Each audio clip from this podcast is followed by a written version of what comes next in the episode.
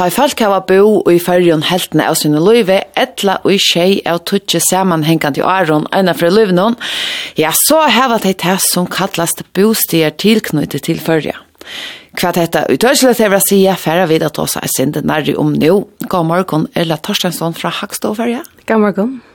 Til tid som hava funnet fram etter nødja heite som eitir bostier tilknyttet. Hva er det? Ja, bostad tilknyttet det blev til til at vi uh, i langre tid har haft uh, bruk for noen hotage som uh, kan løse tar personene som et langere tid skal ha bo og virke i førska samfunnet. Og eh, hver mann så gjør vi folk kan telle opp og ta deler vi, uh, deler vi det opp på forskjellige opplysninger og, og det kan til å være alder og kyn. Men så eisende føyeland og rysborgerskap. Um, men tar opplysningene her av sine avmarskinger, eh och tar Louis inte nog väl akademiker vi för är det som som har bo och viska i förska samfundet och ganska känna samfundet i förrän och är sen kristjer. Och och stöm ju på att det kan vara att att man kan döms vara fötter i en örn lande men eh ha bo med en personal lön för ju. Och samma vid ryskborgarskap här kan man eh, kanske ha filippinska ryskborgarskap men eh, man är bo nekvar i förrjun. Og en annen anmerkning som kan være vi rutsborgerskapen, det er at man kan ikke gjøre mån av London og rutsfellesskapen. Eh, tog at de som er ur Danmark, Førjøen og Grønland, de har et dansk rutsborgerskap.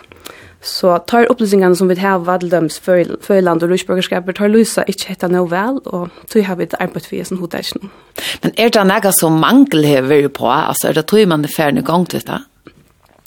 Ja, det er det nemlig. Ja. Vi har vært som uh, haft tørv av att kunne løse de som, som er i følgen og arbeider og, og, og bygge her på ett. Um, og det har vi ikke kunnet gjøre.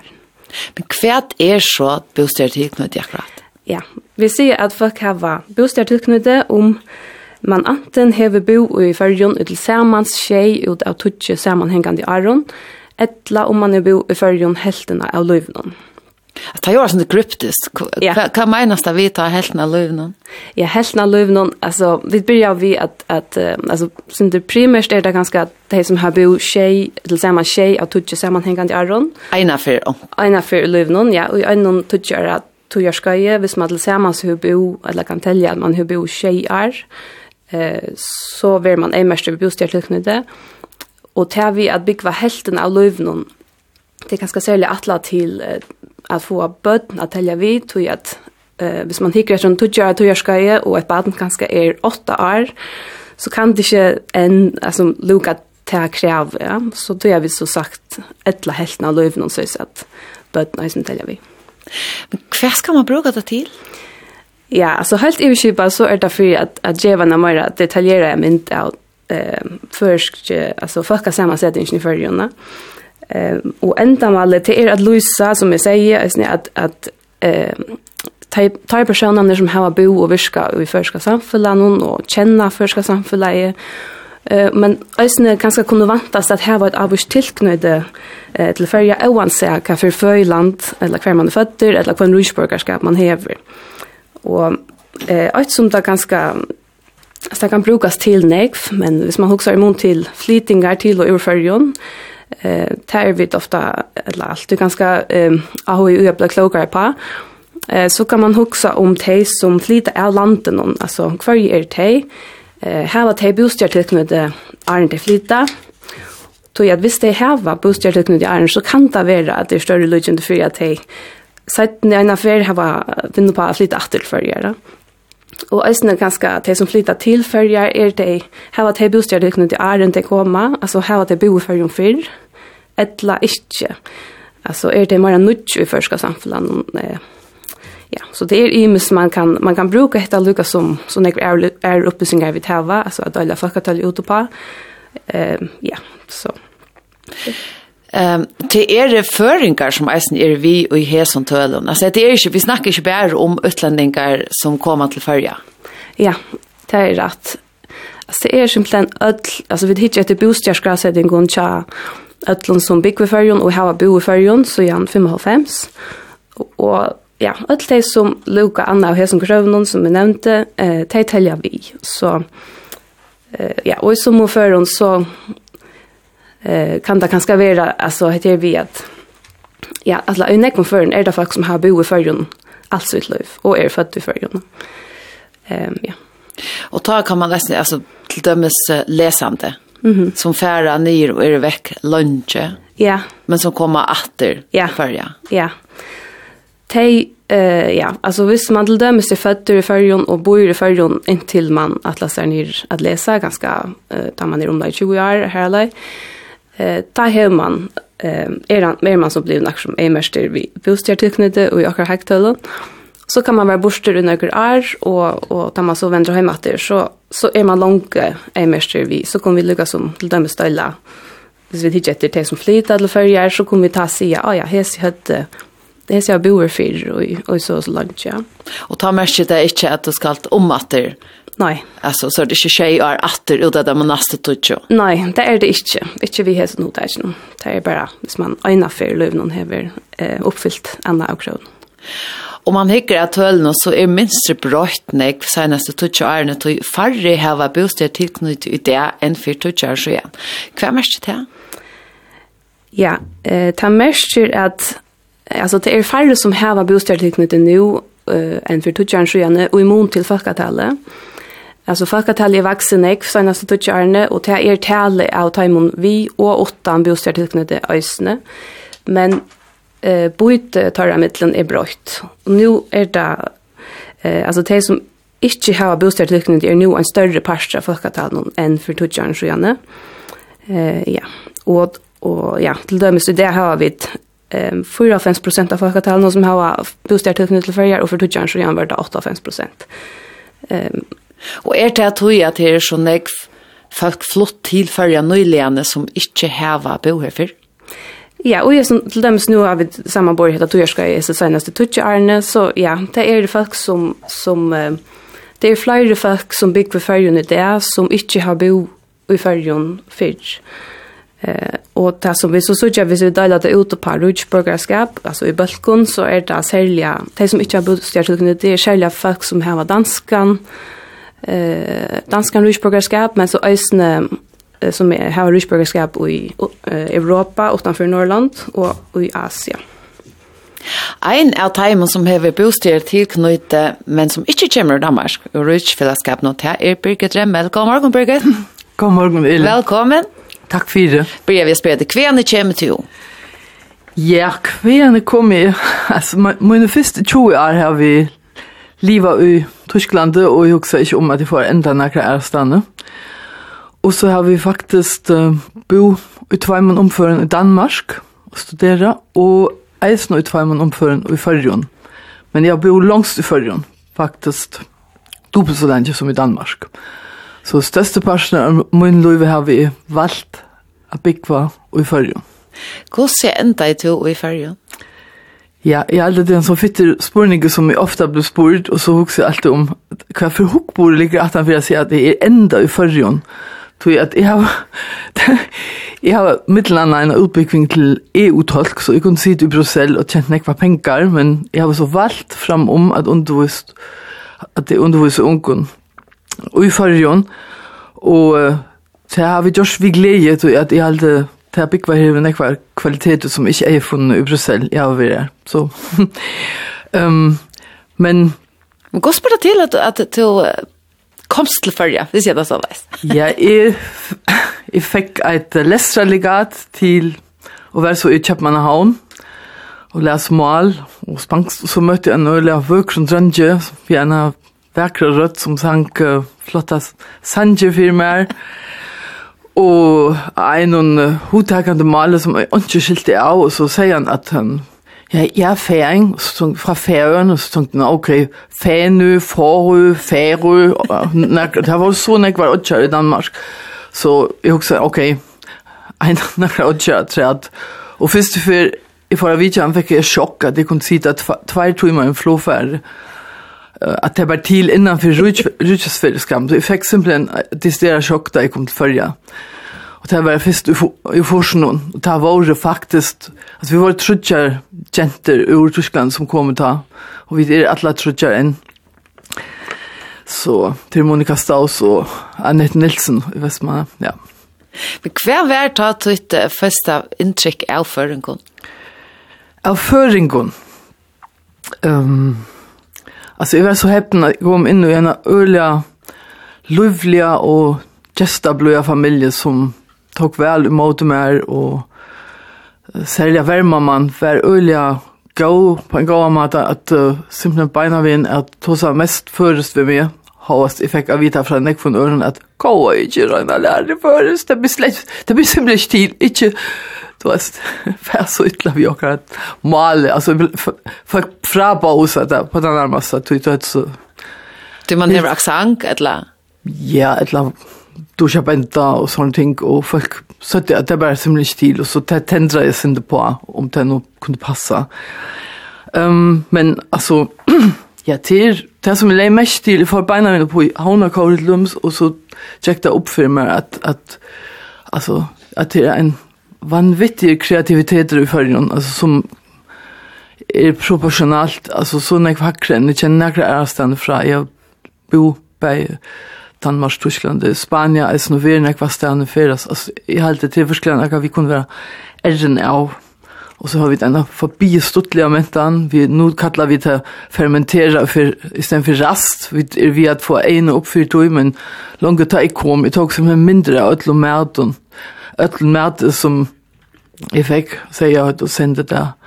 heim til ommen faktisk som kommer fra landet i Tyskland. Og så säger Birgit, du enda tjatt heim vittlo? Altså, hun Also, det, hält så so om jeg man wieder i der Heil hønt. So, det ist sånn... Ja, så det var synder, men jeg helt det var ulle eksotisk, og jeg var så vanvittig jeg forelsket, så jeg helt alt var spennende, og ja, og jeg ville det ulle gjerne, og først han huksa jeg, ok, et år kanskje, men så valgte jeg det til, og rundt at uh, passa inn. Men var det nekver utlendingar som bosett seg i fyrrjøn akkurat da i tokomst?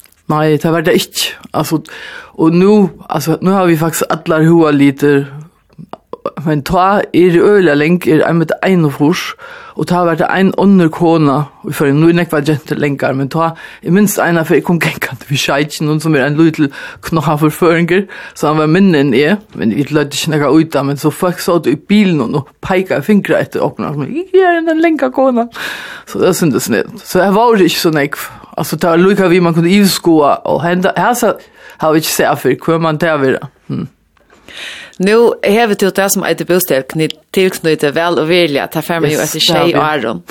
Men gå så länge att du tog det Aron du kände det höra till för ju. Eller var det som kärlek vid första blick?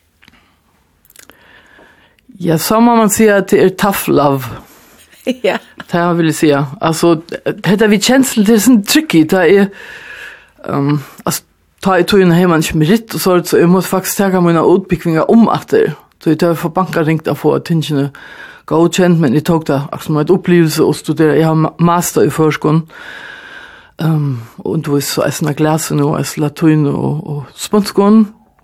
Så, uh, um, ja, hva skal jeg si, altså, så spurte folk meg til jeg så velkommen akkurat så lengt at jeg faktisk, og du vet så jeg er en utlending og røyne å lære at att har förrest om min sportare få att jag att tosa det har vi gjort i flera år att touch det rikar öliga väl kan det av att Ulrike Steuerwald är en alltså fick henne faktiskt till förra och lärde henne förrest och ta det är faktiskt intressant tog jag att ta var och en battna lack nu det funni angan som vill til förra og jag heit Ulrike upp då jag visste att hon var vi till utlandet och runt i Italand Og og prona reaktion av landssjukhusen var man ville ikke ha henne, og grundgivningen som det sitter vi med, som akkurat hei, du vet, assimilera mig på den närmaste var att, ja men hon då säger inte förrest, hon är inte skandinavare. Jag säger, men jag, jag kan lära förrest. Jag och det, hon kan göra det.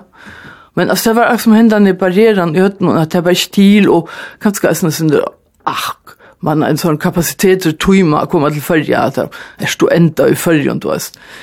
Det kommer allt det. Ja. Se ända i färjan, ja. Nämligen, ja. Så hon, hon valt en tillvärde nu här, en parstvist i förrjun och, och parstvist i Tyskland. Och hon älskar vi i förrjun, det var inte ja. Men kvarjar er det, nu du nevnt nekka av det, men kvarjar er det avbjøringarna når taima kommer utanfra til farjar? Altså, hvordan kommer man her til at man også ja, her har er heima? Ja, da jeg flytter opp, da jeg prøver å skifte land nærkere ferien, så jeg helt, hetta du du det. Vad svärt kan det vara? Men så oppdager jeg i førjen at det er ikke nok å lese male, det er ringt nok i seg selv, men mentan, altså det var en, en større bit enn jeg tror, og så særlig at da jeg så hei lært meg tea og sanger og jeg minns jeg dotte flere repertoar utan at som jeg så først skilte tjej av skjettene.